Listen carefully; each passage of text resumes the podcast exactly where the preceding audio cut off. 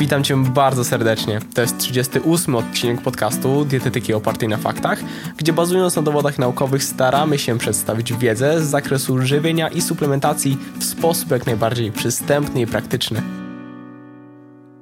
Odpowiednie stężenie cukru we krwi, bądź inaczej, prawidłowa glikemia jest czymś, o co bez wątpienia powinniśmy dbać. Jednak dlaczego? Czym jest stan hipo i hiperglikemii oraz jakie ma konsekwencje? Jakie czynniki wpływają na stężenie glukozy we krwi, a także jak kontrolować glikemię? Na ten temat rozmawiam dziś z moim gościem, Mateuszem Sprengelem. Zapraszam do materiału. Cześć, witaj Mateusz. Cześć Radku. Przedstaw się proszę słuchaczom. E, to nazywam się Mateusz Sprengel. E, jestem studentem dietetyki na Gdańskim Uniwersytecie Medycznym na drugim roku. E, moje zainteresowania dietetyką wzięły się ze sportu, który towarzyszył mi od zawsze. Trenowałem przez 7 lat atletykę, dokładnie to skakałem o. Mm, no i stąd się wziął właśnie taki pomysł na dietetykę. E, na co dzień zajmuję się głównie właśnie dietetyką. Prowadzę Instagrama, na którym staram się e, przekazywać tą wiedzę dietetyczną, promować naukę. Tak, także to myślę, że. E, Jak można się znaleźć na Instagramie? Mateusz Podłoga Sprengel i to tyle. Także imię i nazwisko. Okej. Okay. Super. Mm, temat dzisiejszego podcastu to cukier we krwi, jak go kontrolować, czyli chodzi tu o glukozę we krwi, o glikemię. Mm, no i może właśnie na samym wstępie warto tą glikemię zdefiniować, więc czym tak naprawdę jest, Mateusz, glikemia? Okej, okay, no to mówiąc o glikemii, mm, mówimy właściwie o stężeniu glukozy we krwi. E, no i mamy glikemię przedposiłkową, e, glikemię nakrzko e, dokładnie, czyli po prostu stężenie glukozy, które mamy we krwi, kiedy się obudzimy rano, kiedy przez jakiś czas nie jedliśmy. I mamy też, wyróżniamy glikemię poposiłkową, czyli po prostu stężenia glukozy we krwi, które mamy po posiłku, kiedy coś zjemy. E, Jakie to ma znaczenie? Znaczenie w zasadzie ma bardzo duże. Mm. Właściwie jeśli y, mówimy o tej glikemii, to warto najpierw wspomnieć o takich dwóch pojęciach, czyli hipoglikemii i hiperglikemii, bo to jakby te stany będą e, głównie definiowały to znaczenie mm, glikemii. Czyli zaczynając, hipoglikemia to jest e, stężenie glukozy we krwi poniżej normy.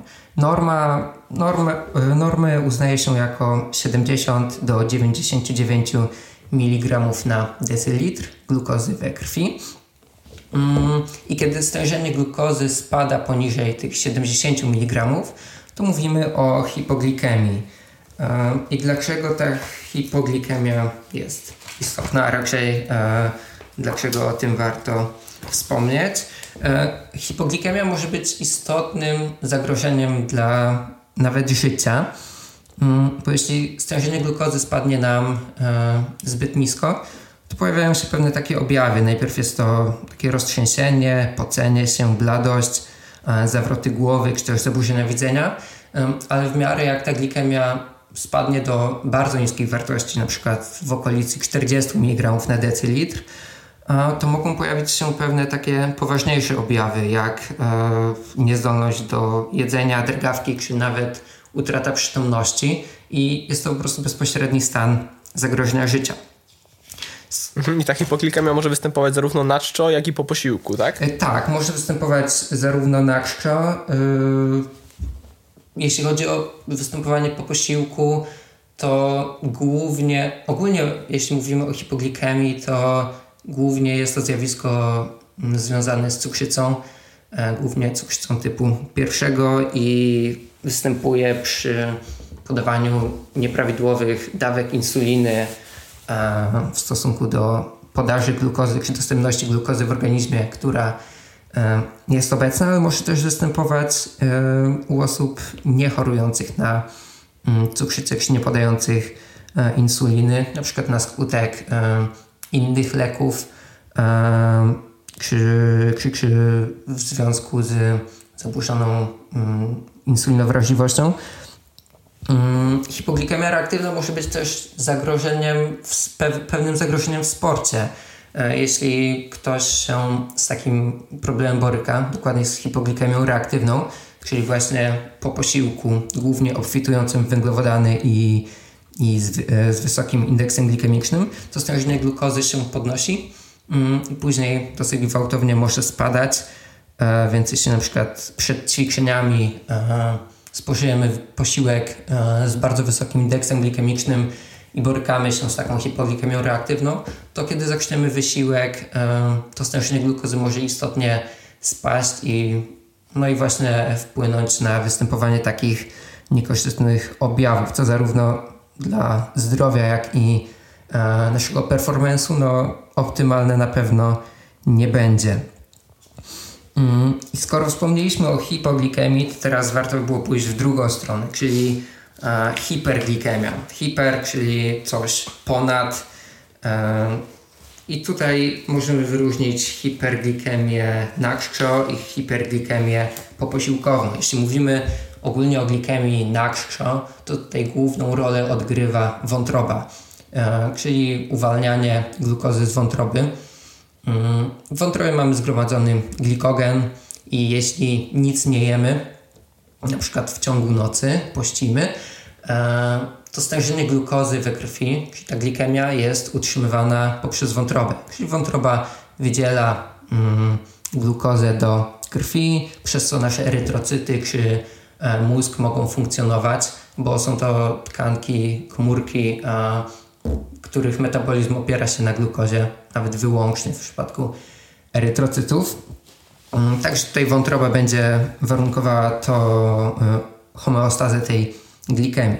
Jeśli mówimy o glikemii poposiłkowej, e, tej hiperglikemii poposiłkowej, mm, to tutaj czynników, które e, na nią wpływają jest trochę więcej niż sama wątroba. Czyli mm, przede wszystkim jeśli coś jemy, dostarczamy posiłek, to istotna jest kompozycja tego posiłku czyli skład, e, zawartość w nim składników. I tutaj głównie determinują to węglowodany, czyli węglowodany rozkładane są do glukozy, e, no i ta glukoza mm, trafia później do krwi i podnosi nam glikemię. Ale zanim jeszcze e, spożyjemy ten posiłek, to taki pierwszy element wpływają, determinujący poposiłkową glikemię, to przedposiłkowa glikemia, czyli to od jakiego poziomu ten poziom glukozy we krwi będzie nam się podnosił. Dalej właśnie wchodzi ta kompozycja posiłku, czyli zawartość e, węglowodanów, węglowodanów przede wszystkim, bo to z nich e, w procesie ich trawienia będzie powstawała nam e, glukoza, która trafia do krwi, ale też zawartość innych składników jak białka, tłuszcze czy błonnik, które pośrednio będą modyfikowały odpowiedź glikemiczną na posiłek. Kolejnym takim elementem, czy czynnikiem, który wpływa na glikemię posiłkową, jest tempo dostarczania składników do jelita cienkiego, czyli na przykład tempo opróżniania żołądka. No bo nawet jeśli coś zjemy, to żeby te składniki zostały wchłonięte, to muszą najpierw trafić do jelit. E, czyli tutaj ta, e, to tempo opróżniania żołądka jest bardzo istotnym E, czynnikiem w kwestii, w kwestii zmian glikemii. Kiedy już pokarm trafi do jelita, to determinującym czynnikiem jest tu tempo trawienia i absorpcji węglowodanów. I tutaj właśnie im szybciej te węglowodany będą rozkładane, tym szybciej też będą w uproszczeniu trafiały do, do krwiobiegu i będą podnosiły nam e, glikemię. Tutaj też na przykład zastosowanie znajdują pewne leki stosowane w cukrzycy, takie jak akarboza, które po prostu hamują, e, spowalniają rozkład e, węglowodanów. I skoro jesteśmy już przy jelitach, e, to tutaj też wydzielane są pewne hormony, e, które będą modyfikowały odpowiedź glikemiczną organizmu i tutaj głównym z nich jest e, GLP-1, czyli glukagonopodobny, glukagonopodobny peptyd pierwszy. On nasila wydzielanie insuliny, która z kolei dalej nam upakowuje, mm, tak potocznie mówiąc, upakowuje glukozę do komórek. GLP-1 może też spowalniać tempo opróżniania żołądka, co jak już wspomnieliśmy, może dalej rzutować na zmiany w glikemii. Czyli jak już wspomnieliśmy o tych hormonach e, przewodu pokarmowego, to kolejnym takim dalszym etapem regulacji glikemii e, są hormony, które są wydzielane przez trzustkę, czyli insulina i, i glukagon. One będą e, wpływały na to, e, ile e, glukozy mamy we krwi, czyli insulina, tak jak wspomniałem, ona ułatwia transport glukozy do komórek, hamuje też wydzielanie mm, glukozy z wątroby. Z kolei glukagon działa powiedzmy przeciwnie, czyli on zwiększa uwalnianie glukozy z wątroby. To jest też istotne w kwestii tej glikemii na krzo, bo jeśli e, wątroba, która właśnie wydziela mm, tę, e, tę glukozę, nieodpowiednio reaguje na insulinę, jeśli jest insulinooporna, e, to nie następuje hamowanie wydzielania mm, glukozy z wątroby i w takim przypadku mamy hiperglikemię natrzu, czyli tej glukozy jest za dużo, nawet jeśli nic nie jemy. No i właśnie ten ostatni temat już trochę zacząłem. Ostatni element kontroli glikemii to jest e, ta wrażliwość insulinowa, o której zapewne każdy słyszał. I tutaj mówimy zarówno o tej wrażliwości wątrobowej, jak i peryferyjnej, czyli wrażliwości insulinowej tkanki tłuszczowej czy mięśni szkieletowych. I to właśnie mięśnie szkieletowe i tkanka tłuszczowa, no głównie mięśnie szkieletowe, po posiłku tą dostarczoną glukozę będą nam zgarniały i powiedzmy buforowały. E, czyli tutaj, jeśli pojawiają się jakieś problemy w obrębie transportu e, glukozy do komórek mięśniowych, no to będzie nam to rzutowało na pewne niekorzyści w tej glikemii posiłkowej. Mm. I też taka jedna rzecz, o której właściwie, od której powinienem zacząć w kwestii glikemii poposiłkowej, czyli ta hiperglikemia. Bo o ile mówiliśmy o hipoglikemii jako takim konkretnym punkcie odcięcia, czyli poniżej tych 70 mg na decylitr. Właśnie chciałem o to zapytać. Mhm. Ten stan przedcukrzycowy, stan cukrzycowy, bo taki się wyróżnia, prawda? Tak, tak. Okej, okay, czyli dobra, zacznijmy e, na krze.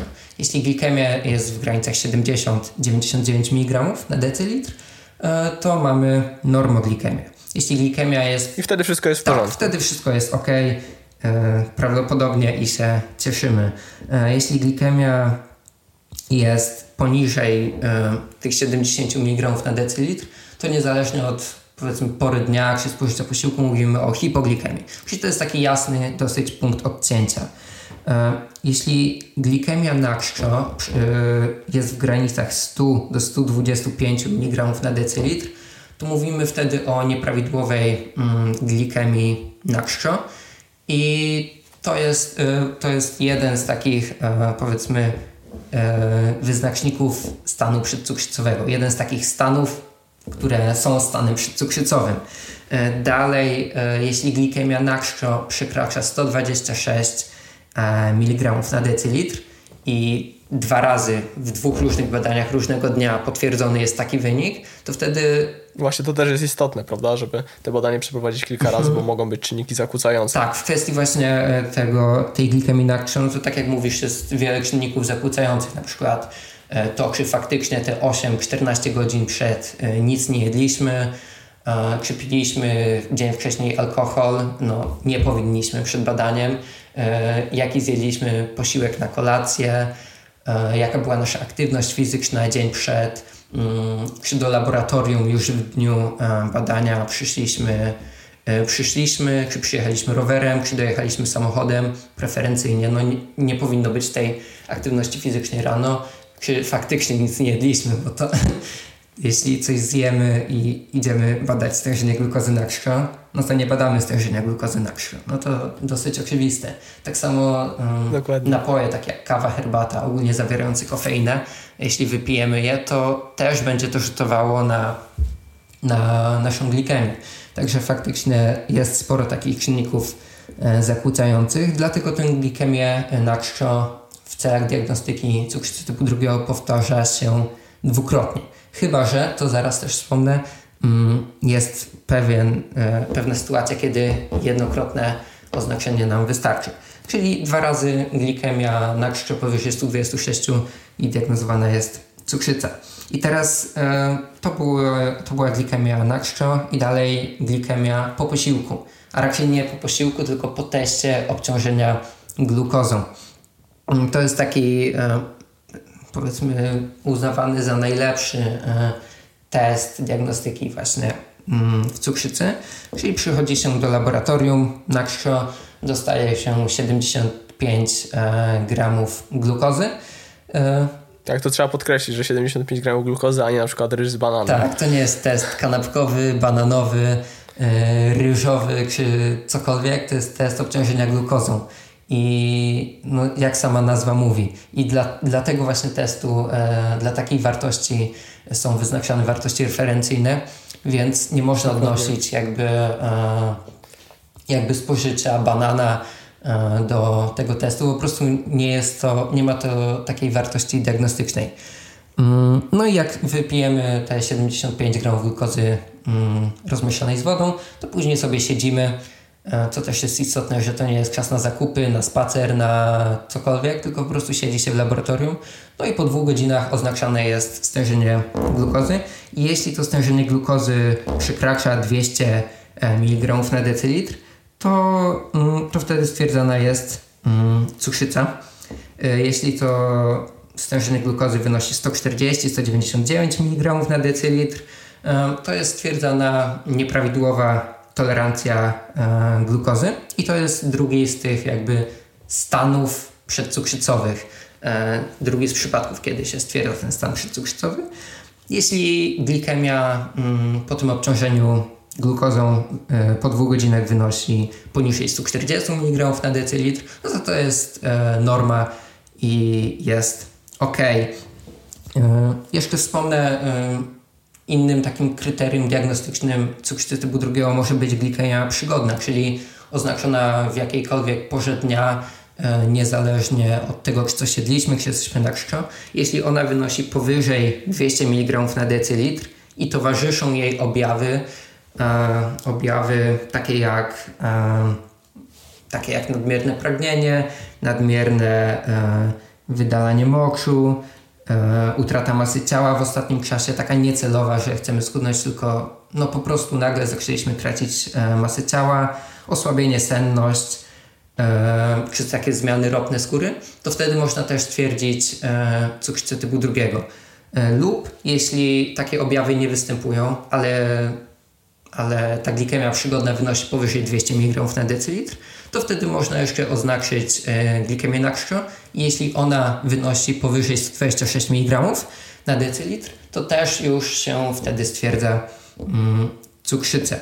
I warto jeszcze, to jest kluczowy element, że diagnostyką zajmuje się lekarz, nie dietetyk i to jest warte podkreślenia, ale warto te e, kryteria diagnostyczne znać. Mhm. Jeszcze chciałbym zapytać o konsekwencje takiej hiperglikemii, w sensie nieprawidłowej glikemii, czy to mhm. czy mm, po posiłku, w takim okresie długoterminowym. Jakie są konsekwencje takiej mm, hiperglikemii? Okej, okay, to przechodząc właśnie do tych e, skutków, e, skutków hiperglikemii, zanim jeszcze o tym wspomnę, to takie pewne sprostowanie, bo tak jak wspomnieliśmy, hipoglikemię bardzo łatwo możemy definiować jako te 70, y, poniżej 70 mg, tak z hiperglikemią to stężenie poniżej, powyżej 140 mg na decylitr uznawane za nieprawidłowe po teście obciążenia glukozą. Tego nie można do końca odnosić do stężeń po posiłków, po, po posiłkach, bo jak też wspomnieliśmy, po bananie, po kanapce będzie to zupełnie inaczej wyglądało niż po glukozie.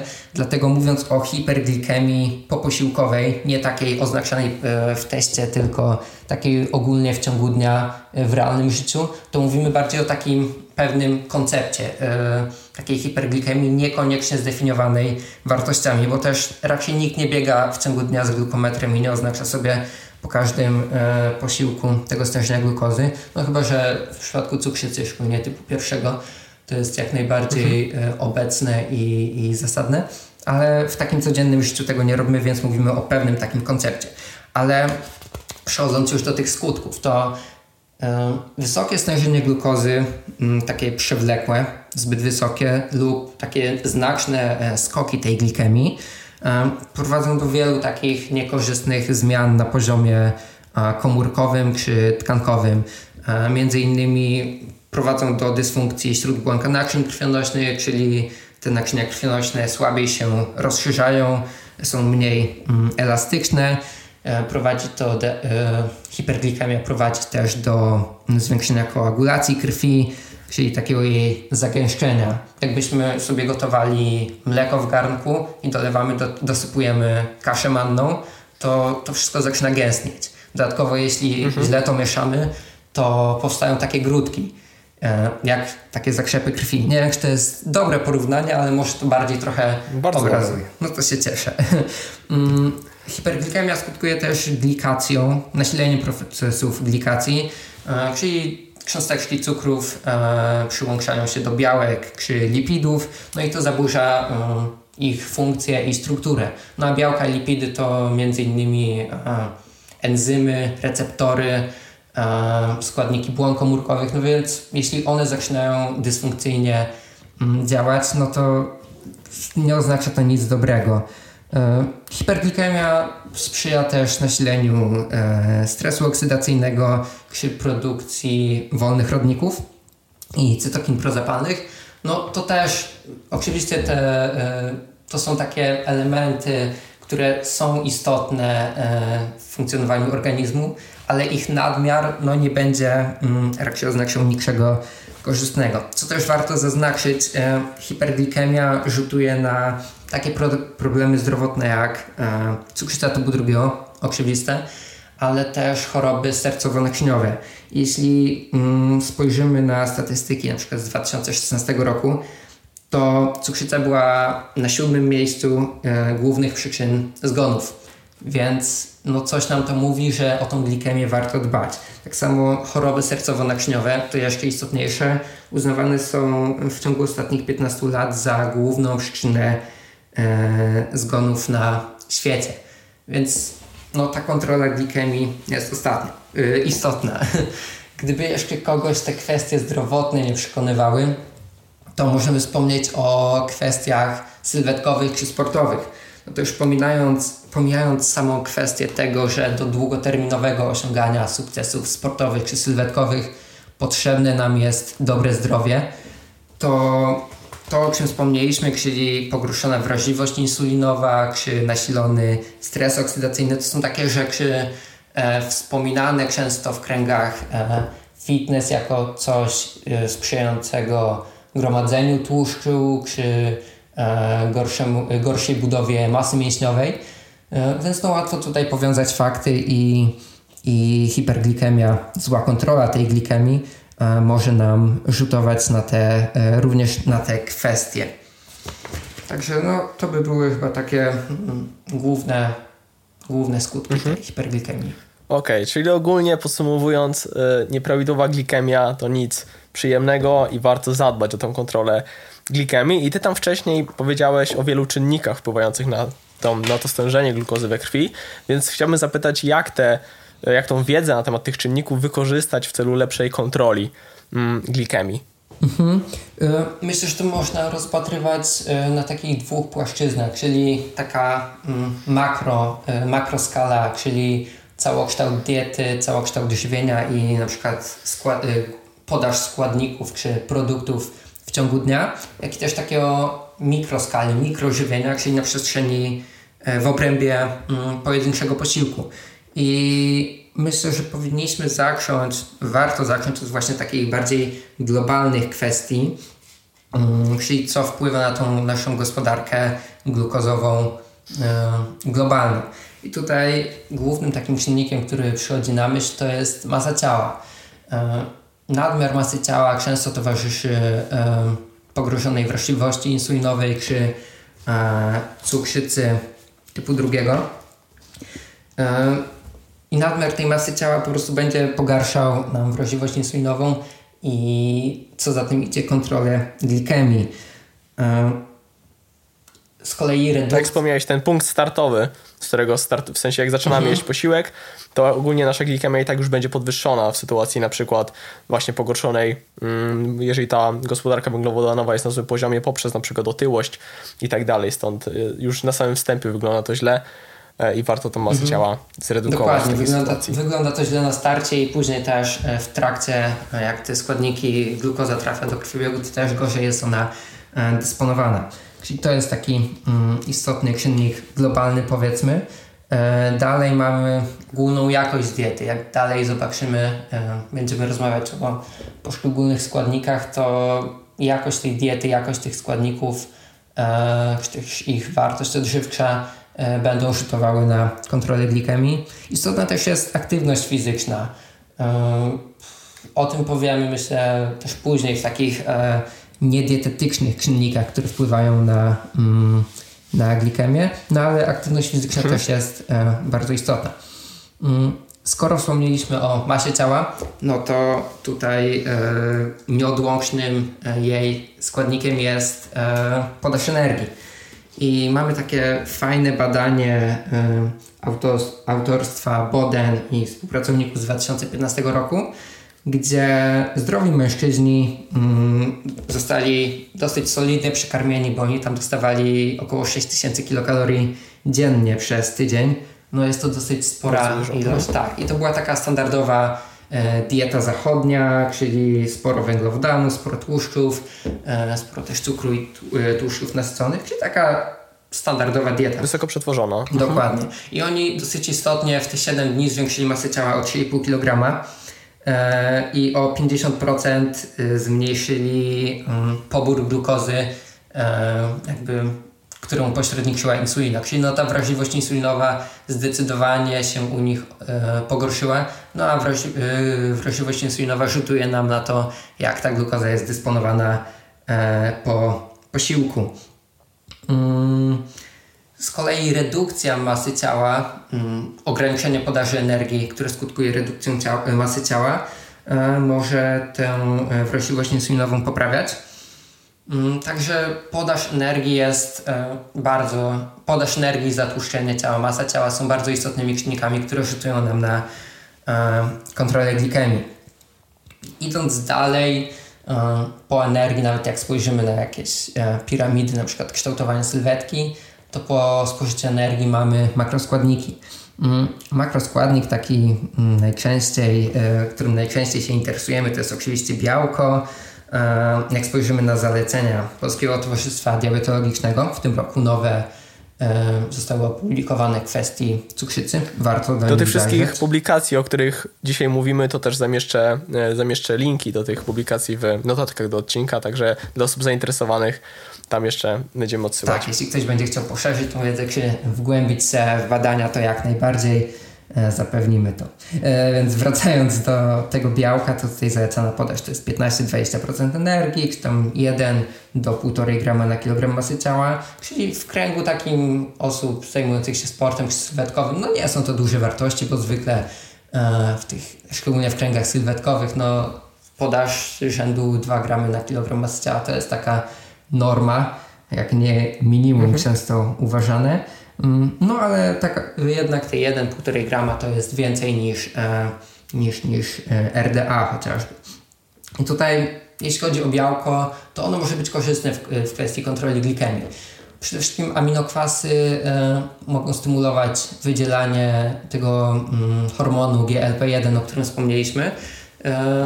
Co z kolei będzie wpływało na mm, zwiększenie wydzielania insuliny oraz opóźnienie tempa opróżnienia żołądka, co może rzutować korzystnie na, y, na kontrolę glikemii. O czym też wspomnę, jak będziemy mówić o tych takich zabiegach w obrębie samego pojedynczego posiłku. Białko może też sprzyjać większej sytości. Taki przegląd literatury z 2015 roku E, wskazał, że podaż białka rzędu 1,2-1,6 g na kilogram masy ciała w porównaniu do niższej e, skutkuje lepszą sytością, e, co może wpływać na kontrolę masy ciała. Większa podaż białka może też sprzyjać zachowaniu masy mięśniowej w trakcie redukcji tkanki tłuszczowej. No a masa mięśniowa jak wspomniałem, około 75% glukozy po posiłku dysponowany jest do, do tkanki mięśniowej, czyli ona jest bardzo istotna w kontroli tej poposiłkowej glikemii. Pozwala nam też, powiedzmy, mhm. kolokwialnie przypalać więcej kalorii w ciągu dnia, no to będzie rzutowało na masy ciała. Co prawda są takie pewne prace obserwacyjne, na przykład e, metaanaliza z 2017 roku e, badań kohortowych wskazała, że wyższa podaż białka może być związana e, z cukrzycą typu drugiego, ale w badaniach obserwacyjnych, szczególnie takich, w których badamy w jednym punkcie w jednym punkcie spożycia składników, istotne jest to, że one mogą, to spożycie białka może odzwierciedlać Mm, pewną jakość diety. I tutaj też wyróżniono, e, że przykład przetworzone mięso czy czerwone mięso były związane z istotnie wyższym e, z istotnie wyższym mm, ryzykiem cukrzycy typu drugiego, a dokładnie to spożycie białka z tych źródeł było związane. Z kolei spożycie białka z mleka, jogurtu czy soi było związane z mniejszym ryzykiem. Czyli nie wybiegałbym aż tak w przód, że to białko jest związane z gorszą kontrolą glikemii czy ryzykiem cukrzycy typu drugiego, tylko raczej dieta obfitująca w białko, które pochodzi na przykład z czerwonego czy przetworzonego mięsa, e, która, co jest takie dosyć charakterystyczne w tych dietach zachodnich, e, nisko jakościowych, że to po prostu ten wzorzec e, żywieniowy bardziej się łączy z tym wyższym ryzykiem. Także białko mhm Odpowiednia jego podaż może pomagać w tej kontroli kompozycji ciała czy podaży energii i, i w pewien sposób rzutować korzystnie na kontrolę glikemii. Mm, dalej przechodząc mamy tłuszcze.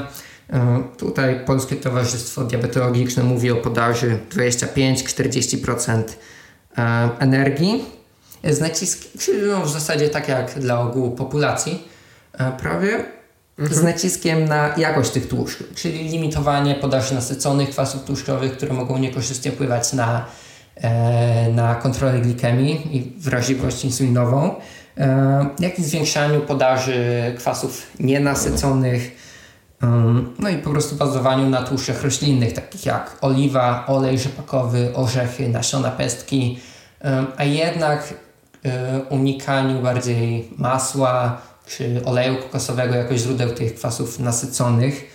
E, no i też oczywiście warto jeść ryby jako źródło EPA i DHA. Tutaj też pewne korzyści mogą być w kwestii gospodarki glukozowej. E, jest taka fajna metaanaliza e, badań kontrolnych randomizowanych z 2016 roku autorstwa Imamura i współpracowników. w ogóle mam straszny, straszny problem z, z wymawianiem nazwisk niektórych badaczy bo oni są z wielu różnych krajów i nie wiem jak się dane nazwiska no, Trzeba spolszczać do niektórych. Tak, mhm. trzeba po prostu przeliterować i, i będzie ok. tak.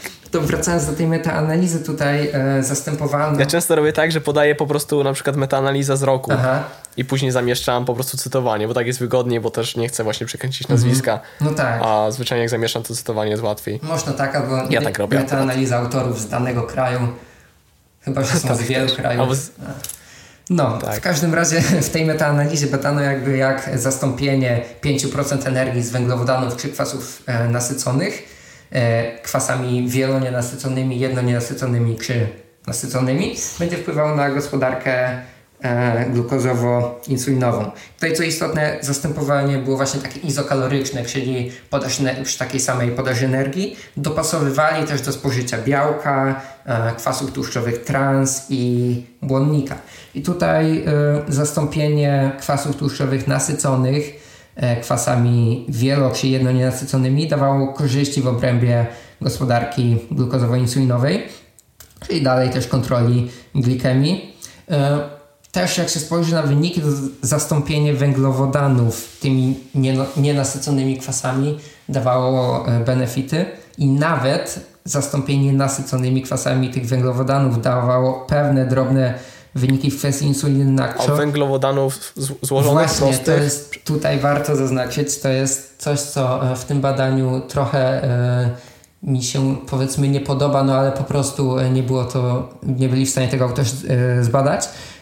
Tutaj mówimy o węglowodanach ogółem, czyli nie ma tego rozróżnienia na węglowodany rafinowane, czy cukry proste, a węglowodany mhm. złożone z takich źródeł jak pełne ziarna, strążki, owoce, więc tego w żaden sposób nie można ekstrapolować na właśnie takie produkty e, pełnoziarniste. Szczególnie, że populacje, na których prowadzone były te badania, cechują się raczej dosyć sporym spożyciem węglowodanów rafinowanych, e, czyli jest to taka mhm. dieta, powiedzmy, zachodnia więc za... Czyli trzeba to podkreślić. Tak, trzeba to podkreślić, że zastąpienie węglowodanów rafinowanych czy cukrów nasyconymi kwasami tłuszczowymi raczej po prostu nie daje żadnej różnicy i to są produkty y, czy składniki, które po prostu warto y, zastępować tymi złożonymi y, czy kwasami nienasyconymi. I to jest też często widoczne w badaniach w obszarze chorób sercowo-naczyniowych. Czyli mamy pewne metaanalizy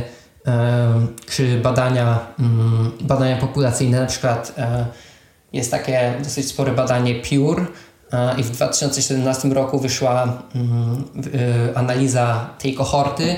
E, wykazała, że zastąpienie węglowodanami, że zastąpienie kwasami nasyconymi węglowodanów E, dawało, zmniejszało ryzyko e, chorób sercowo-naczyniowych, tam nie pamiętam konkretnych, e, konkretnych tych chorób, ale w żaden sposób nie rozróżniali tam wpływu, jakby udziału węglowodanów rafinowanych, a takich nisko przetworzonych. Jeśli ktoś na to spojrzy, to o, warto zamienić węglowodany na nasycone kwasy tłuszczowe. Czyli te nasycone są zdrowe dla układu sercowo-naczyniowego. No nie, mamy sporo publikacji, które, które wskazują, że e, wyższe spożycie kwasów nasyconych wiąże się z większym ryzykiem chorób sercowo-naczyniowych i takie rzucanie na przykład takim badaniem bez przeanalizowania, co tak naprawdę zostało zastąpione, co było zastępowane, no może prowadzić do takich błędnych wniosków. Także bardzo istotne właśnie jest zaznaczenie, że i tutaj te węglowodany ogółem były zastępowane, a nie konkretnie na przykład ze strążków czy zbóż. Mm, także to jest taki istotny element. Bo trzeba podkreślić tę różnicę, pewnie zaraz będziesz mówić o węglowodanach, czyli różnicy między tymi rafinowanymi, a tymi pochodzącymi na przykład z pełnoziarnistych zbóż. Istota jest różnica, że jest bardzo istotna różnica między wpływem ich na kontrolę glikemii. Mhm. Tak, bo tutaj mówimy o indeksie glikemicznym tych posiłków, y, tych e, produktów i o zawartości błonnika, składników odżywczych, także o tym też wspomnimy. Mm, jeśli miałbym podsumować jakoś to spożycie tłuszczów, żeby to było takie bardziej składne, to warto do minimum ograniczać na pewno kwasy trans, bo tutaj o nich nie wspomniałem, ale one będą najgorzej rzutowały na tą kontrolę glikemii. Mm, warto ograniczać, czy po prostu zachować umiar ze spożyciem kwasów e, nasyconych no i bazować głównie na produktach roślinnych, które dostarczają nam jedno i wiele nienasyconych kwasów jak e, oliwa, orzechy siemielniane, e, pestki, nasiona mm, czy awokado. Mm, I właśnie okay. obecnie skupia się bardziej na tej jakości tłuszczów niż całkowitej ilości ich e, w diecie. Czyli Okej, okay. kolejny składnik, ten, który w zasadzie powinien być e, jako pierwszy wspomniany, jeśli chodzi o kontrolę glikemii, czyli węglowodany, bo to one są rozkładane e, do glukozy i mm, wpływają na to pod, e, w głównej mierze na podniesienie tej e, glikemii. Tutaj Polskie Towarzystwo Diabetologiczne mówi o spożyciu między 45 a 60% e, węglow- e, energii w diecie. I też tutaj jest taki bardziej nacisk na jakość tych węglowodanów, czy tych produktów węglowodanowych. Żeby miały one niski indeks glikemiczny, o nim też zaraz wspomnę, żeby zawierały sporo błonnika, żeby ogólnie podaż błonnika w ciągu dnia była przynajmniej na poziomie 25 gramów na dzień lub więcej. Żeby głównym źródłem tych węglowodanów były pełnoziarniste produkty zbożowe, strączki, owoce, żeby zmniejszać spożycie cukrów prostych. Mm, no i... Właśnie podkreślmy, podkreślmy to znaczenie owoców. Jak to jest z tymi owocami, jeżeli chodzi o kontrolę Jak to jest z tymi owocami? No jeśli chodzi o owoce, to tutaj pewne takie kontrowersje zawsze budzi fruktoza, bo fruktoza przecież e, powoduje tycie, stłuszczenie wątroby i, i tak dalej. No i tutaj warto roz, rozróżnić przede wszystkim wpływ fruktozy u ludzi i wpływ fruktozy e, u gryzoni, a raczej badania na gryzoniach i badania na ludziach. Ogólnie gryzonie i ludzie e, różnią się znacznie metabolizmem e, fruktozy. Bo jeśli gryzonie, których myszy zjedzą fruktozę, to około 30% jej jest przekształcane w wątrobie do e, kwasów tłuszczowych e, w procesie lipogenezy de. No i to może sprzyjać właśnie e, gromadzeniu tych kwasów tłuszczowych i, i, ich pochodnych w wątrobie no i przyczyniać się do sporych problemów zdrowotnych. Jeśli chodzi o ludzi, to mniej niż 1% fruktozy po posiłku jest e, przekształcany do tych kwasów e, tłuszczowych, maksymalnie do jakichś 5% przy bardzo dużym ich spożyciu, gdzie u gryzoni to nawet powyżej 50% może być, jak jest wysokie spożycie. Mm, także ta fruktoza ogólnie w ilościach poniżej 50 czy 100 gramów na dzień e, nie wykazuje jakiejś e, istotnych, istotnego wpływu na, e, na zdrowie. Tam poniżej, powyżej 50 gramów na dzień może wzrastać stężenie trójglicerydów po posiłku czy na czczo. Poni, po, poniżej 100 gramów nie obserwuje się wpływu na otyłość czy cukrzycę. Mm, także to jest... Natomiast właściwie nie tak łatwo dostarczyć owocami 50 e, gram fruktozy. Tak, nawet. właśnie. To jest sporo owoców. I trzeba podkreślić też znaczenie innych źródeł, prawda? Bo fruktozę możemy też dostarczyć poprzez przetworzone produkty, takie jak na przykład słodycze. Stąd y, to też jest ważna kwestia. Tak, bo zdecydowanie czym innym będzie zjedzenie kilograma jabłek czy, yy, czy dwóch kilogramów truskawek, a czym innym będzie wypicie pół litra czy litra coli czy jakiegoś soku. No to są to są, to po prostu jest inna, w ogóle inne zagadnienie. I też e, jeszcze wracając do tej gryzoni, e, sporo badań dawało im w, sporo, w sporej ilości badań dawano im naprawdę horrendalne ilości, w stylu 60% energii z diety z fruktozy, co jest no, ogromną ilością. I nawet jeśli spojrzymy na, e, na to, w jakich stosunkach jak dostarczana jest fruktoza z diety, na przykład w postaci owoców e, czy w postaci sacharozy, to tam stosunek fruktozy do glukozy czy innych węglowodanów jest przynajmniej 1 do 1, czyli starając się dostarczyć 60% energii z fruktozy, to musielibyśmy po prostu czystą fruktozę w siebie e, pakować. Więc to, to są po prostu ilości ogromne. W wielu badaniach też na ludziach, mm, w których wykazywano pewne E, niekorzystny, pewien niekorzystny wpływ samej fruktozy. Podawano dawki rzędu 150 czy 250 gramów na dzień. No to jest, nawet patrząc w taki sposób, jeśli dieta standardowej osoby, takiej przeciętnej, zawiera 2000-2500 e, kilokalorii, to jeśli dostarczymy 1000 kilokalorii z fruktozy, to po prostu co innego, co zawiera ta dieta same jakieś, nie wiem, napoje słodzone. Po prostu problemem jest to, że ogólnie wysokie spożycie tych cukrów prostych zabiera nam miejsce dla innych składników, jak na przykład jakieś źródła białka, zboża i tak dalej. Mm, ale już odchodząc od samej tej fruktozy, owoce.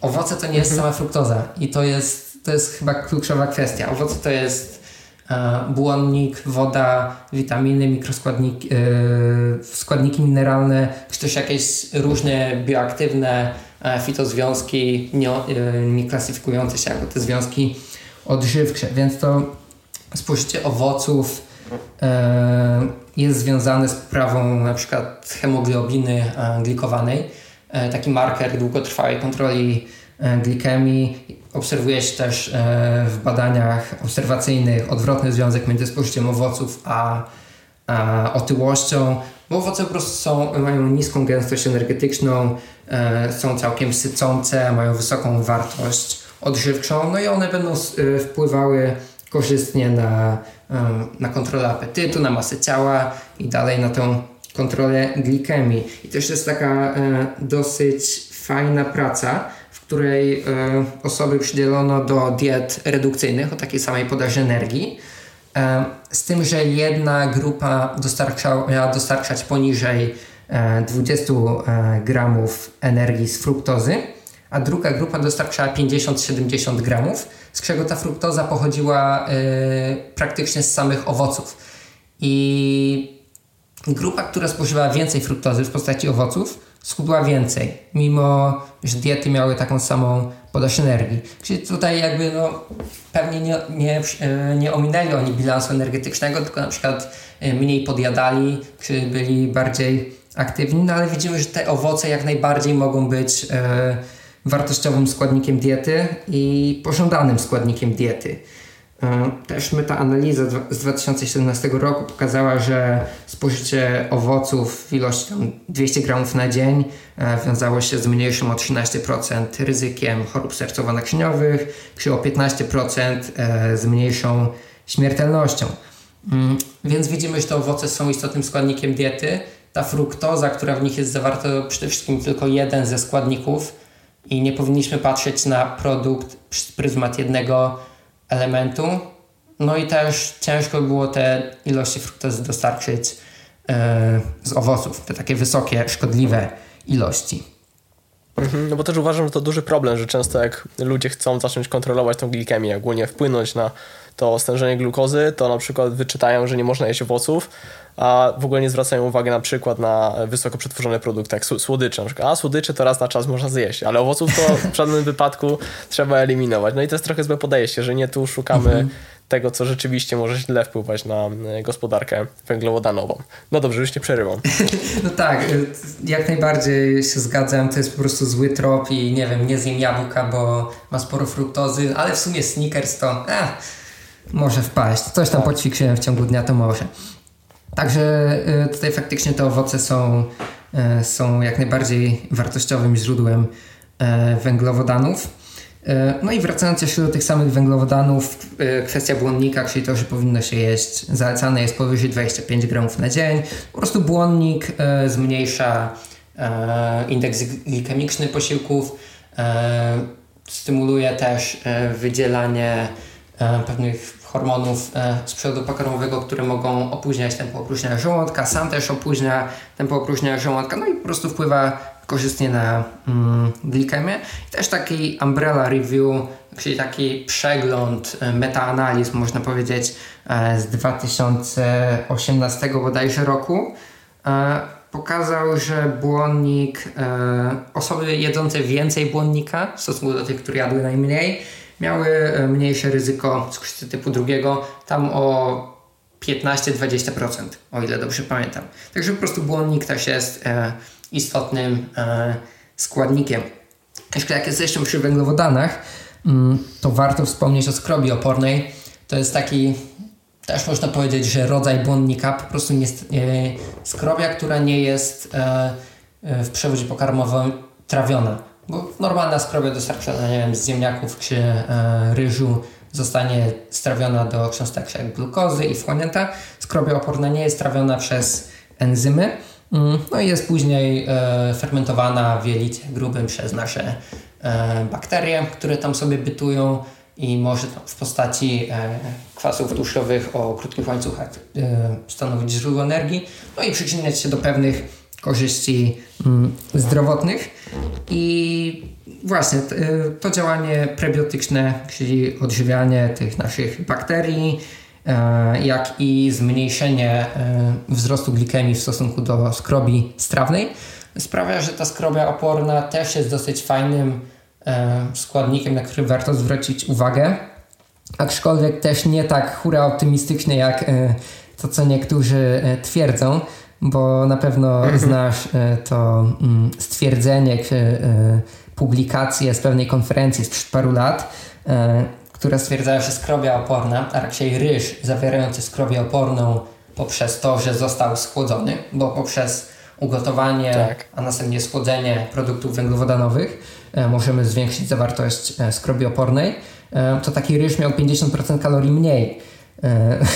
Co brzmi... No i jak z tym jest? Tak, co, co brzmi trochę zabawnie, bo to by oznaczało, że osoby na przykład, które jedzą, nie wiem, coś z cateringu i nie podgrzewają tego, albo jak zjemy zimny ryż z, e, z poprzedniego dnia, czy sałatkę ziemne, ziemniaczaną, to że to w ogóle będzie miało połowę kalorii mniej. No ale to jest taka publikacja z konferencji, która nie została w żadnym czasopiśmie opublikowana. No i, no i ciężko. Ale po internecie się rozniosło. Tak, rozniosło się i to w ogóle już super news. No a jeśli spojrzymy na badania faktycznie publikowane w czasopismach naukowych, e, peer reviewed, nie, w ogóle jak to się tłumaczy? Może ty wiesz? E, proces. No, w każdym razie proces zatwierdzania tych publikacji przez, e, przez osoby się tym zajmujące w danym czasopiśmie. No to takie dobre publikacje wskazują, że e, zawartość skrobi opornej przez takie schłodzenie mm, może się zwiększyć o od pół do 4,5 grama na 100 gramów e, w stosunku do e, tego, co było, w zależności od produktów, czyli najwięcej się zwiększa w strążkach, najmniej bodajże w ziemniakach. Mm, także mhm. to jest zysk około 1 do 9 kalorii przez takie schłodzenie, tak realistycznie. E, no ale jednak ta skrobia oporna może być dosyć fajnym e, takim składnikiem, e, który pewien potencjał prozdrowotny może mieć. Także warto jej szukać w strążkach czy w jakichś zielonych bananach. Też może być to fajny element.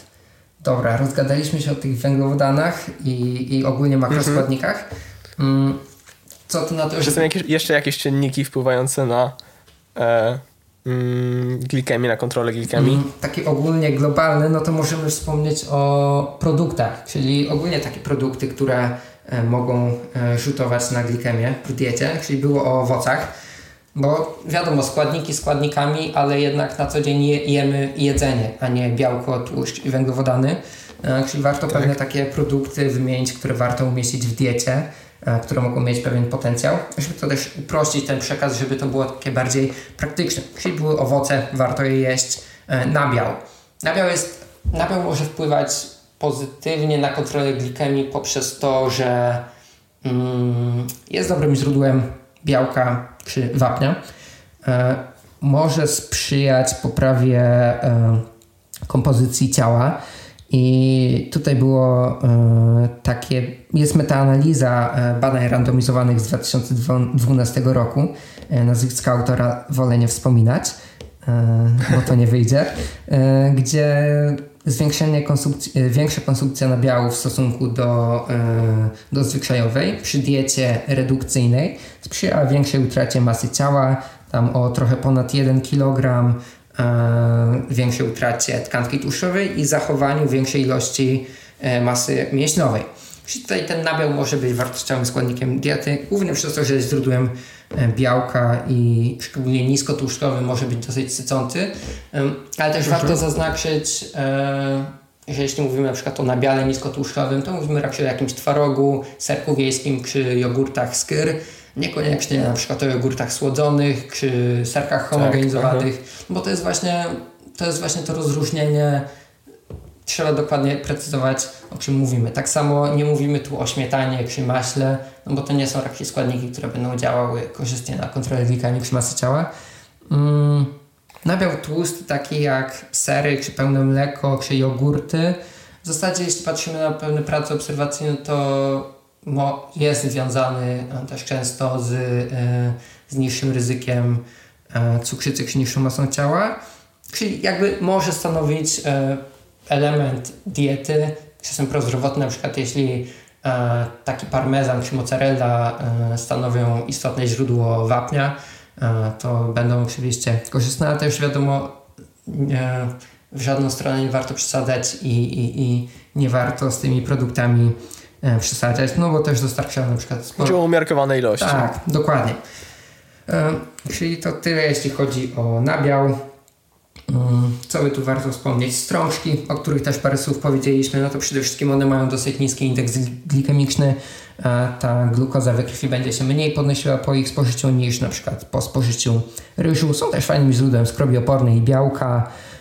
No i też zawierają sporo takich nietrawionych węglowodanów, jak na przykład oligosacharydy takie jak e, rafinoza, stachioza czy werboskoza, które będą e, pożywką dla e, bakterii w naszych jelitach. Czyli strączki też są wartościowym źródłem węglowodanów. No właśnie, ten indeks glikemiczny, bo to też mówiłem, że o tym wspomnę, Na pewno nagrywałeś też jakiś film o tym, chyba, tak mi się wydaje. Nie, o indeksie chyba A, nie nagrywałem. Okej, okay, dobra, to parę słów. Warto wspomnieć. Indeks glikemiczny to e, mówi nam o tym, jak stężenie glukozy po spożyciu 50 gramów węglowodanów z danego produktu nam się podnosi w stosunku do, e, do tych zmian glikemii e, po spożyciu 50 gramów czystej glukozy.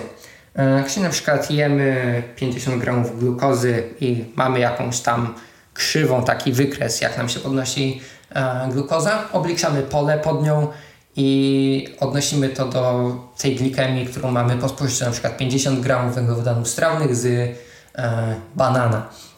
I indeks glikemiczny, jeśli wynosi poniżej 55, to uznawany jest za niski, e, do 70 za średni, powyżej 70 za wysoki. No i to miał być taki wskaźnik, który będzie dobrze nam mówił e, o zmianach w glikemii. E, tylko problem jest taki, że on mówi nam o konkretnych e, produktach, nie o konkretnych posiłkach i też nie uwzględnia jakby ilości węglowodanów, węglowodanów które są spożyte. Czyli na przykład e, no właśnie. Popularna gotowana marchewka, która ma tam tak. indeks glikemiczny na mniej więcej taki jak czekolada mleczna, czy tam troszkę tylko niższy. E, no ale żeby dostarczyć 50 gramów węglowodanów strawnych z marchewki, no to kilogram jej musimy zjeść około co jest trochę, e, co jest trochę no, abstrakcyjne. Po prostu no, nikt kilograma marchwi nie będzie jadł na raz. E, więc takie indeks glikemiczny świadczy o wartości zdrowotnej e, produktu. Na przykład ziemniaki mają wysoki indeks glikemiczny, podajesz około 80, jeśli dobrze pamiętam. Mm, no a są fajnym źródłem e, błonnika, są sycące, więc też nie zjemy ich tak dużo. Dokładnie. Więc ten indeks glikemiczny jest trochę problematyczny, aczkolwiek jeśli trochę się komuś wytłumaczy, jak na ten indeks glikemiczny patrzeć, E, to może on mieć pewne zastosowania, czyli na przykład jak spojrzymy na produkty zbożowe, no to nis, niższy indeks glikemiczny będzie miała kasza gryczana niż ryż biały, czy tam ryż brązowy niż ryż biały, makaron pełnoziarnisty niż makaron biały. Więc jeśli w ten sposób będziemy tak pat, e, na te produkty patrzeć i wybierać się z niższym indeksem, indeksem glikemicznym, to powinno to być dosyć no, po prostu korzystniejsze dla tych zmian w glikemii. Także to chyba tyle z tym indeksem glikemicznym. Nie wiem, czy coś chciałbyś dopowiedzieć. Mm, znaczy, to też sporo do powiedzenia ma obecna gospodarka węglowodanowa u konkretnej osoby. Także trochę inaczej będzie się na, to, na indeks glikemiczny patrzeć u sportowców, a trochę inaczej u osób przykład z cukrzycą. Mm, I ogólnie jeżeli chodzi o znaczenie tego indeksu. Także to jest swego rodzaju odniesienie, natomiast no tak jak mówisz, to nie świadczy o tym, czy dany produkt jest na przykład zdrowy, czy nie, ale jeżeli tak jak wspomniałeś, że ktoś dobrze zrozumie, na czym polega indeks glikemiczny, to można go ciekawie wykorzystać w niektórych przypadkach. Mhm. Tak, jak najbardziej. Tak na przykład stopień rozgotowania danego produktu możesz wpływać na indeks glikemiczny, także to nie jest tak, że ryż ma tyle i tyle, mhm. E, bo może na przykład w zależności od tego, czy to będzie al dente, czy to będzie rozgotowany ryż, może mieć trochę inne wartości. Także to jest e, wskaźnik, który ma swoje wady po prostu i o nich warto wspomnieć. Tak, o tych ograniczeniach warto właśnie yy, pamiętać. Dobra, yy, czyli powiedzieliśmy owoce, nabiał, strążki yy, jak najbardziej mogą być fajnym elementem. E, mięso. Mięso to jest takie bardziej mm, kontrowersyjne, szczególnie, od, e, szczególnie w ostatnim czasie. E, no i mięso faktycznie czerwone głównie może mieć pewne niekorzyści w obrębie tej gospodarki glukozowej. Tutaj głównie ze względu na, jeśli są to tłuste kawałki mięsa, no to oczywiście kwasy tłuszczowe nasycone, czy nisk, wysoka gęstość energetyczna i smakowitość oraz żelazo. I żelazo chemowe e, jest, taki, jest taka metaanaliza z 2012 roku autorstwa BAO. Tutaj jestem w stanie to wymówić, więc wspomnę. E, tutaj spożycie żelaza chemowego było związane e, z większym ryzykiem cukrzycy typu drugiego. Mm, żelazo chemowe szczególnie jest, może być problematyczne u mężczyzn, którzy mają ogólnie na żelazo zapotrzebowanie niższe niż kobiety E, mniej go tracą, a też częściej e, więcej go jedzą, bo ogólnie e, więcej energii mężczyźni zwykle spożywają, no i też częściej sięgają po mięso, które jest źródłem właśnie tego żelaza chemowego, które jest dużo lepiej wchłaniane. No jeśli tego żelaza za dużo nam się e, gromadzi w organizmie, to może to po prostu niekorzystnie rzutować na e, gospodarkę węglowodanową, czy to poprzez nasilenie stresu oksydacyjnego, e, czy zmniejszenie utylizacji glukozy. Mm, także nadmiar czerwonego mięsa, wysokie spożycie czerwonego mięsa, szczególnie tłustego, nie będzie czymś pożądanym w diecie. Wiadomo, jeśli od czasu do czasu zjemy jakieś mięso i będziemy jego jeść na przykład poniżej tych 500 gramów na tydzień, mm, no to nie będzie to jakaś wielka tragedia, ale jednak znaczne spożycie mięsa, e, szczególnie przetworzonego i czerwonego w dieście, e, no nie będzie czymś pożądanym ogólnie e, w takiej zdrowej diecie. Także to jest Generalnie też... warto ograniczać. Tak, warto ograniczać. No i jest sporo takich zamienników. Można wybrać jakieś mięso drobiowe, można wybrać ryby, można poeksperymentować coś ze strączkami, z tofu, czy to jako po prostu urozmaicenie mm, nawet diety, żeby po prostu coś nowego tam wprowadzić, coś ciekawego, poznać jakieś nowe smaki i, i myślę, że to jest jak najbardziej e, sensowne. Sam też staram się e, mięsa czerwonego e, aż za dużo nie jeść, szukać właśnie jakichś takich ciekawszych alternatyw. Także no myślę, że to jest jak najbardziej dobry pomysł, żeby to jakoś trochę pozamieniać. Mm, mhm. Z takich jeszcze konkretnych produktów czy, e, czy, czy e, związków można wspomnieć o kawie, bo kawę pije praktycznie każdy i, i czy ta kawa będzie nam jakoś rzutowała na tą gospodarkę e, glukozową. No i ogólnie osoby pijące więcej kawy, pijące dużo kawy w stosunku do tych, co piją mało kawy, mają mniejsze ryzyko cukrzycy typu drugiego o 30% to pokazuje taka fajna, kolejny Umbrella Review, czy ten przegląd metaanalizm e, pól i współpracowników z 2017 roku. No i każda taka dodatkowa filiżanka między 1 a 6 w ciągu dnia zmniejsza ryzyko cukrzycy typu drugiego o 6%. Więc kawę ogólnie warto pić w tej kwestii. E, chociaż warto też wspomnieć o tym, że sama kofeina e, może gospodarkę, e, wrażliwość insulinową i też co za tym idzie glikemię posiłkową trochę pogarszać. E, to głównie przez stymulację e, wydzielania mm, adrenaliny. To może właśnie rzutować trochę niekorzystnie w krótkim terminie. No ale tu mówimy o kofeinie, kawa ogółem mm, będzie czymś raczej pożądanym. No i jeszcze taka jedna rzecz, to jest obróbka żywności. Taka bardzo intensywna obróbka żywności E, wysokie temperatury w niskiej e, wilgotności przez dłuższy czas będzie sprzyjała powstawaniu mm, produktów zaawansowanej glikacji. Glikacja to jest to, o czym wspomnieliśmy na początku w tych skutkach e, hiperglikemii, mhm. czyli cząsteczki cukru przyłączają się do białych lipidów. I też w trakcie obróbki termicznej cząsteczki cukru będą mogły się przyłączać do białek, mm, na przykład na patelni, jak coś smażymy. Jeśli wprowadzimy już takie e, związki do organizmu, one w około 10% są wchłaniane, e, to one też mogą e, niekorzystnie wpływać na wrażliwość, wrażliwość insulinową i tą gospodarkę glukozową. Także bardzo intensywna obróbka termiczna, takie zbrązowienie produktów, bo to właśnie produkty reakcji Maillarda, które powodują to takie zbrązowienie produktów, czy charakterystyczny e, zapach i smak, to one będą e, odpowiadały za te niekorzystne zmiany. Mm, także o tym też e, warto pamiętać. I ogółem, jeśli mówimy właśnie o takiej, takim całokształcie diety e, odpowiedniej, korzystnej dla kontroli glikemii, no to będą to takie modele jak dieta DASH, czy dieta śródziemnomorska, właśnie e, kładące e, emfazę na, na te produkty zbożowe, e, pełnoziarniste, na orzechy, na ograniczenie nasyconych kwasów tłuszczowych, e, na oliwę, na ryby, na wyższe spożycie ryb. To są takie, takie modele żywieniowe, na które warto spojrzeć, poczytać, jak one właśnie wyglądają i starać się zbliżać tę dietę właśnie do nich. Mhm. Jeszcze takim twoim konikiem w kontekście kontroli glikemii jest y, manipulacja spożyciem mm, pokarmu, doborem pokarmów w obrębie jednego posiłku. Mm, czy mógłbyś coś na ten temat powiedzieć? Mhm. Sporo powiedzieliśmy o, o tym całokształcie diety. Mm, no i faktycznie to, co mnie bardzo interesuje, to takie manipulacje w obrębie pojedynczego posiłku. Tak jak już wspomnieliśmy, składniki odżywcze jak białko, czy tłuszcze, czy błonnik e, mogą wpływać na tempo opróżnienia żołądka, czy wydzielanie e, hormonów przewodu pokarmowego jak GLP-1 e, i to potencjalnie może wpływać na, e, na tą kontrolę glikemii.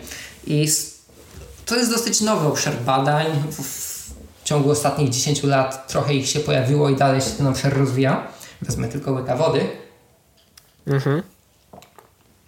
No i pierwsze badania z 2009 roku australijskich naukowców e, sprawdziły, czy na przykład podaż białka, skoro ono zwiększa wydzielanie GLP-1 i może e, też opróżni, e, no właśnie wy, zwiększa wydzielanie insuliny, czy taki preload białkiem, czyli spożycie białka jakiś czas przed posiłkiem e, może wpływać e, na zmiany w glikemii. No i tutaj 8 osób z cukrzycą typu drugiego e, dostało posiłek, to były ziemniaki, za jednym razem dostali właśnie same ziemniaki. Za drugim razem do ziemniaków dodano im e, WPC, tam 55 gramów białka, czyli w sumie całkiem sporo. A za trzecim razem dodano y, to białko, spożyli 30 minut przed posiłkiem, czyli taki preload to był. Mm, I co się okazało, że to dodanie białka, e, niezależnie jak się do posiłku, czy przed posiłkiem, sprawiło, że zostało wydzielane więcej GLP-1, więcej insuliny, E, zmniejszyło się tempo opróżnienia żołądka i ogólnie glikemia w ciągu 5 godzin po posiłku, tak jak wyobrazimy sobie taką krzywą, jak ta glikemia rośnie, to liczymy pod nią pole, ile tam było tej powierzchni, to chyba w podstawówce też się tak liczyło, e, mhm. to to pole ogólnie było niższe, czyli ta kontrola glikemii była niższa. E, ci sami badacze e, sprawdzili, mm, czy tłuszcze również mają taki wpływ. Czyli badanie wyglądało dokładnie to samo, były te ziemniaki i różne pory spożyczenia, e, ale zamiast białka była oliwa, 30 ml oliwy. I tutaj również ta glikemia poposiłkowa była korzystniejsza niż kiedy tej, tych tłuszczów w posiłku nie było. E, przy czym w obu przypadkach najlepiej działał ten preload, czyli 30 minut przed posiłkiem, kiedy się podawało te składniki. Dalej, jeśli mamy tu, e, widzimy, że białka i tłuszcze mają pewne korzyści, to co z błonnikiem? I już badacze, e, badacze z Japonii, IMAI i współpracownicy przeprowadzili dwa badania. W jednym z nich 15 osób z cukrzycą typu drugiego dostawało sałatkę. Tam była jakaś kapusta, pomidory, jakiś olej, E, a później po 10 mhm. minutach dostawali ryż lub na odwrót, czyli najpierw ryż, później sałatka. No i stężenie glukozy i insuliny e, po posiłku, 60 i 60 minut po posiłku, e, były niższe, kiedy ta sałatka była wcześniej podawana. Mm, w drugim badaniu było już 40 osób. Mm, co też warto wspomnieć, wszystkie te osoby w tych badaniach chorowały na cukrzycę typu drugiego, więc no wiadomo, ciężko do końca ekstrapolować te wyniki na osoby zdrowe, e, czy na przykład ze mhm. stanem przedcukrzycowym. Ale za to w kolejnym badaniu e, było już 40 osób, czy trochę więcej, z czego połowa z nich e, miał nor miała normalną tolerancję glukozy, a połowa miała cukrzycę typu drugiego. I tutaj przez cały dzień, czyli do każdego posiłku, podawano albo najpierw sałatkę, później ryż, albo najpierw ryż i później sałatkę. Czyli tak jak w poprzednim badaniu, tylko że nie w jednym posiłku, ale przez cały dzień. I tutaj glikemia e, w ciągu e, dnia, typu posiłkowa glikemia, była korzystniejsza, jeśli podawano wcześniej sałatkę przed posiłkiem. Bo oni też w tym badaniu przez cały dzień monitorowali stężenie glukozy we krwi.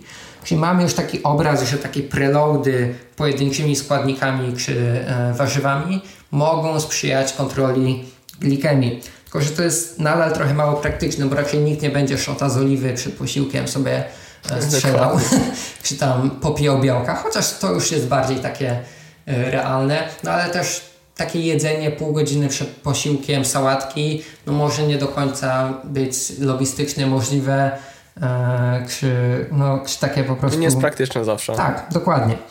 E, więc naukowcy zaczęli iść w trochę takie, jak już poznali mechanizmy i zobaczyli, że to działa, e, to poszli w takie bardziej praktyczne rozwiązania. Mm, I taka praca kolejnych naukowców japońskich z 2016 roku badała już takie białko i tłuszcze w konwencjonalnej postaci, czyli na przykład ryba i mięso tu były badane, czy wpływają na, na tą glikemię.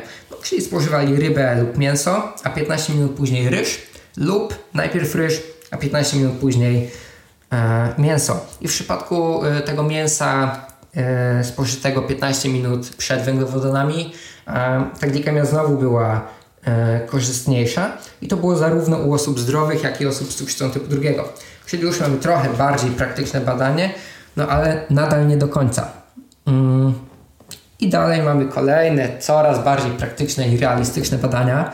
E, w jednym z nich 16 osób z cukrzycą typu drugiego dostawało sałatkę warzywną e, z kurczakiem, a 10 minut później pieczywo i sok lub na odwrót, czyli najpierw pieczywo i sok, a później sałatkę, lub zmiksowane te rzeczy e, w kanapki i spożywane w takich dwóch porcjach z przerwą 10 minut. I co ciekawe, y, kiedy sałatka warzywna była spożywana przed pieczywem, to szczytowe stężenia glukozy i insuliny były niższe o około 50% y, niż kiedy to pieczywo i sok były spożywane y, jako pierwsze. Więc no, to pokazuje dużo, lepszy, dużo lepszą kontrolę glikemii w przypadku takiego, takiej prostej manipulacji kolejnością składników. No zdecydowanie jest to mało. Mhm. Tak, jest to dosyć bardziej takie realistyczne i w przypadku kanapki, kiedy to było spożywane jakby razem, nierozdzielane, e, efekt był taki pośredni. Czyli to nam już daje dwa wnioski. E, takie preloady, e, czy spożywanie w posiłku najpierw warzyw i mięsa, czy tam źródeł białka i tłuszczu, a później dopiero tych produktów węglowodanowych, dają nam całkiem spore korzyści lub nawet po prostu dodanie tego białka i i, i błonnika w formie takiej kanapki e, czy takiego miksu też już daje pewne pośrednie efekty. I takie najbardziej e, praktyczne badanie, które, e, które ja znalazłem, zostało w 2018 roku też przez naukowców z Japonii przeprowadzone.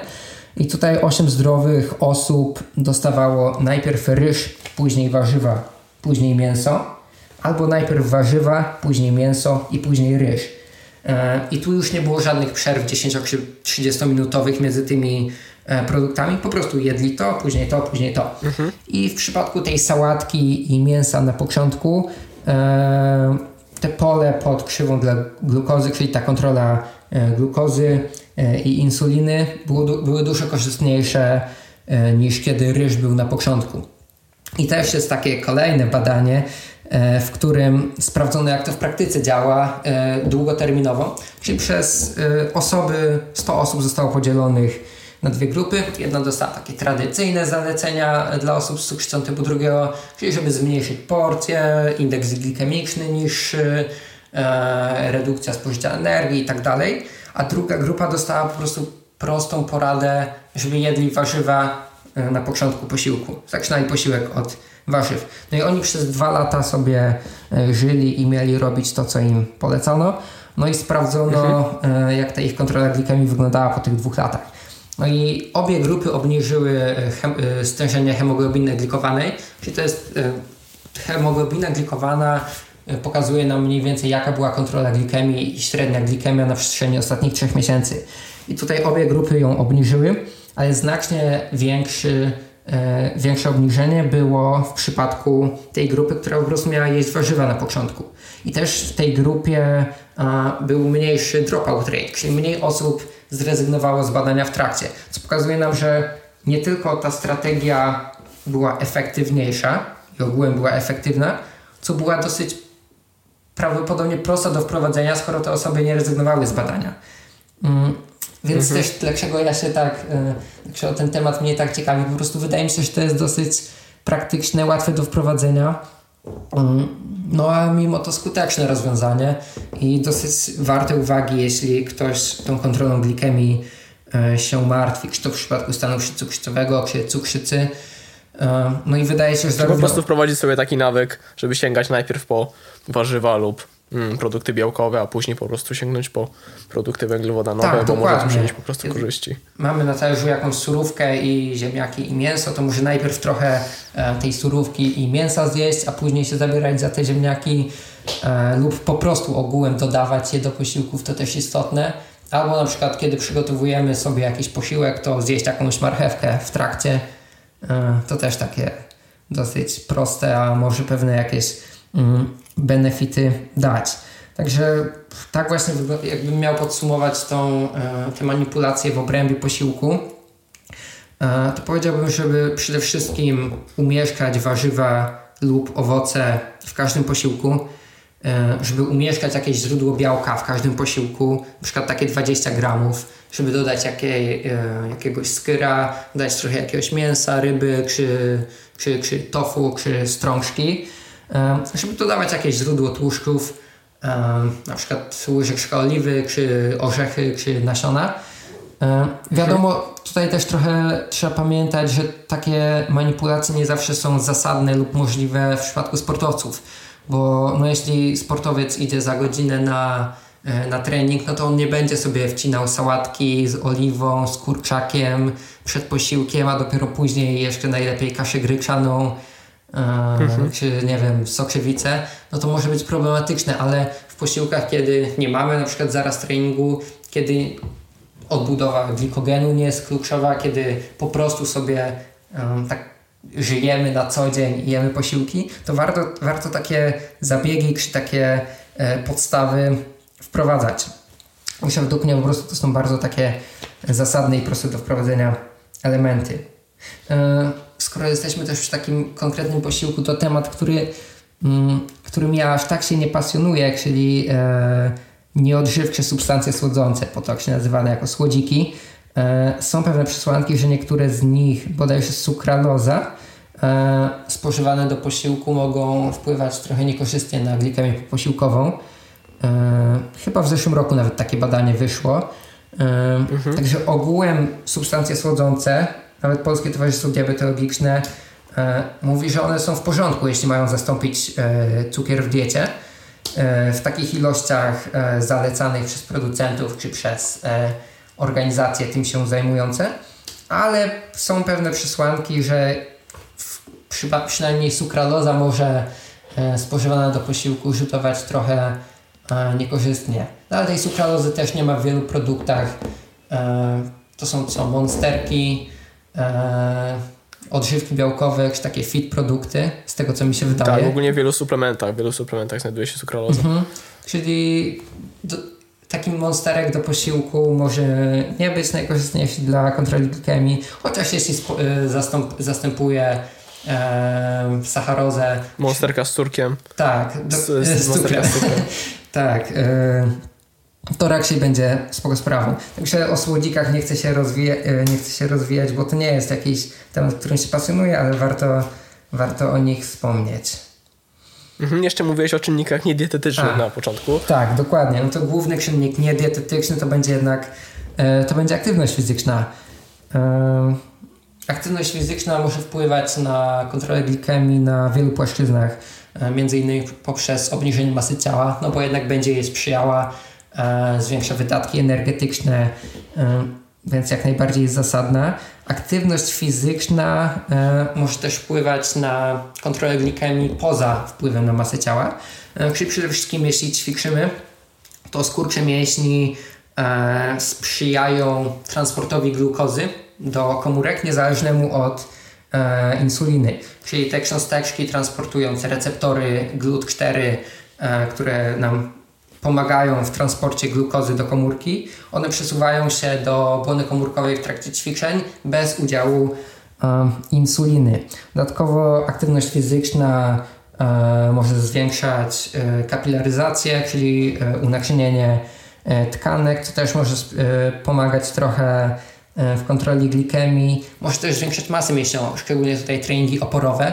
No a jak wspomnieliśmy, masa mięśniowa to jest zarówno taki bufor dla tej krążącej glukozy, e, jak i, jak i może sprzyjać większym wydatkom energetycznym. Jeśli na przykład na trening jesteśmy silniejsi, mamy więcej masy mięśniowej, no to więcej wykonamy powtórzeń z tą stówką na klatę, więc no więcej kalorii przypalimy.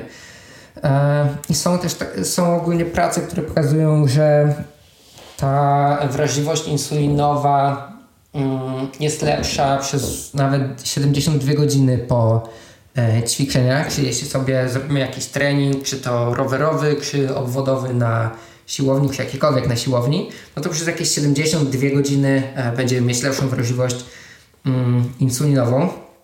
Z kolei jeśli zupełnie nie ćwiczymy przez jakiś czas, to ta wrażliwość e, insulinowa będzie spadała, czyli ta kontrola glikemii też będzie spadała. I to niezależnie, czy osoby są wytrenowane, czy nie. Jest takie badanie dosyć wiekowe, bo z 85 roku, e, w którym e, badano siedmiu wytrenowanych atletów i oni byli faktycznie wytrenowani, bo tam VO2 max mieli około 50 siedmiu, ale jeden z nich nawet e, był jakimś pływakiem na krajowym poziomie, reszta biegała tam po kilkadziesiąt e, mil tygodniowo. No i oni przez e, wykonali ćwiczenia swoje i badano ich wrażliwość insulinową 12 godzin po ćwiczeniach, 60 godzin po i tydzień po. No i 12 godzin po ćwiczeniach mieli dużo wyższą, prawie dwukrotnie E, wyższą wrażliwość insulinową niż, e, niż osoby niećwiczące. Za to po 7 dniach te różnice były już znikome i mieli praktycznie e, ta ich wrażliwość insulinowa spadła o jakieś prawie 50% i była zbliżona do tej, którą miały osoby niećwiczące. Czyli to pokazuje, że istotne jest nie tylko to, żeby ćwiczyć, ale żeby ćwiczyć regularnie. Czyli to, to jeśli chodzi o takie treningi a, konkretne, ale też taka aktywność e, fizyczna niezwiązana z ćwiczeniami, czyli jakieś spacery, e, rower do pracy, e, chodzenie, nie wiem, na zakupy, sprzątanie, to też sprzyja, y, sprzyja mm, lepszej kontroli glikemii i się szacuje, że każde 50 kilokalorii na tydzień e, wydatkowane na aktywność fizyczną zmniejsza ryzyko cukrzycy typu drugiego o 9%. Czyli no to są całkiem e, spore E, ilości. Też jest takie badanie z 2014 roku na prawie 5 tysiącach dorosłych osób z cukrzycą typu drugiego.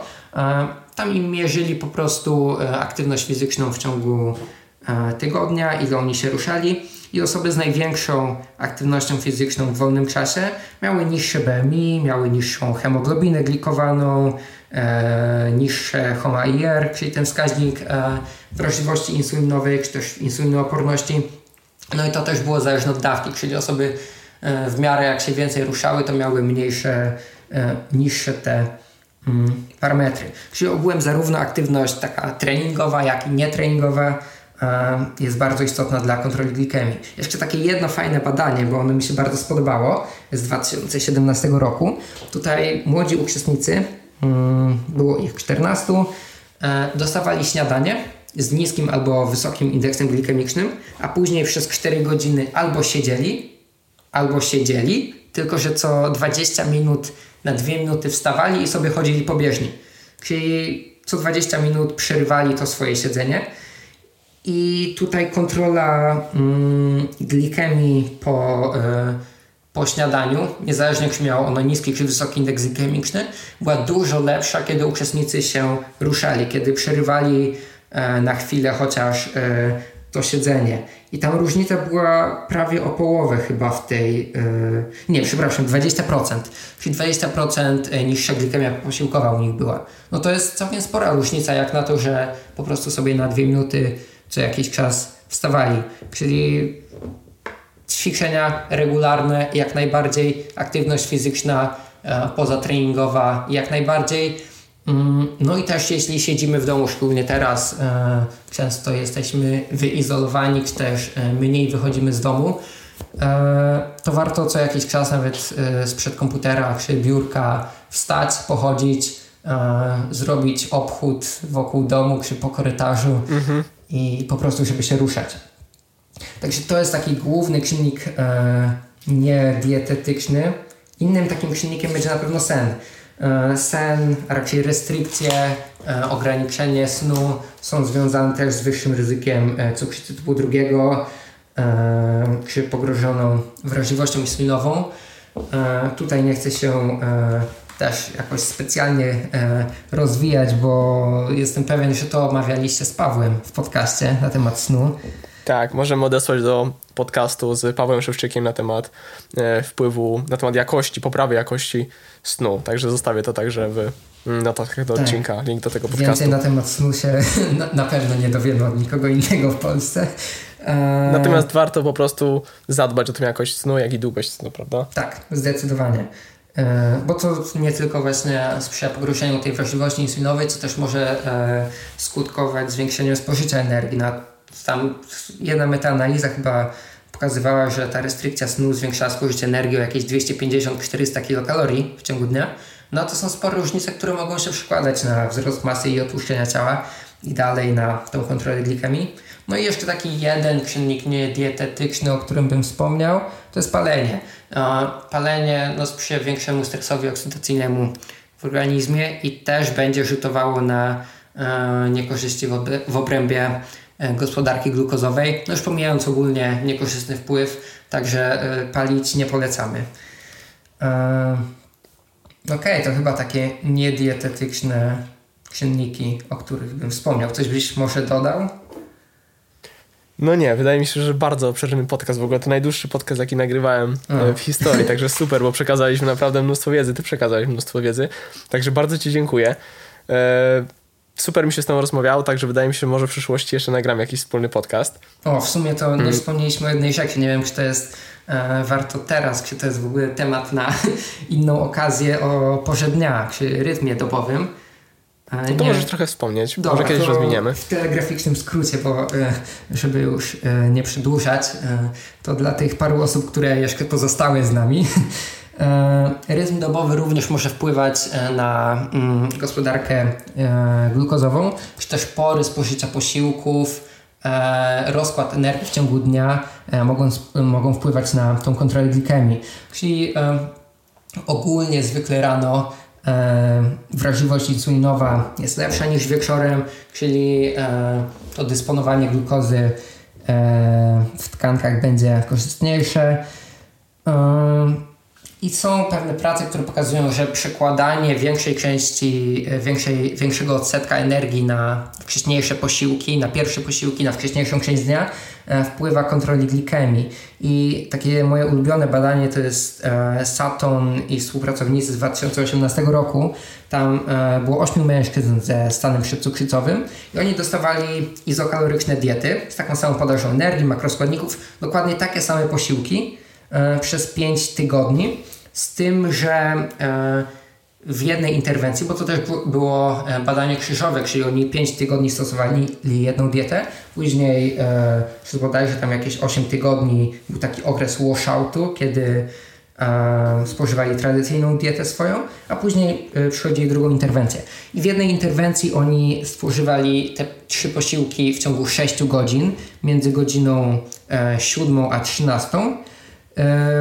A w drugiej interwencji spożywali te same posiłki, tak jest, taką samą dietę, tylko w ciągu 12 godzin, od 8 do 20.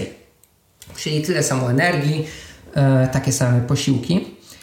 I kiedy spożywali e, te posiłki w takim krótszym okresie żywieniowym e, i w pierwszej części dnia, to poprawili swoją wrażliwość insulinową, czyli tam się zmniejszyła glikemia i insulinemia na czczo E, mimo że nikt e, nie zmienili masy ciała, bo tam były te diety dopasowywane na bieżąco, żeby ich masa ciała się, e, ich masa ciała się utrzymywała. I to jest według mnie bardzo ciekawe, bo taka prosta też zmiana, to znaczy prosta jak prosta, to może nie być zawsze, nie zawsze może być takie przyjemne logistycznie, czy możliwe i praktyczne, mm, ale ten obszar badań na temat rytmu dobowego, E, czy wcześniejszej, e, większej ilości energii w pierwszej części dnia e, jest dosyć ciekawy. Jest takie inne badanie na 16 młodych mężczyznach. To jest badanie z tego roku, bodajże z marca.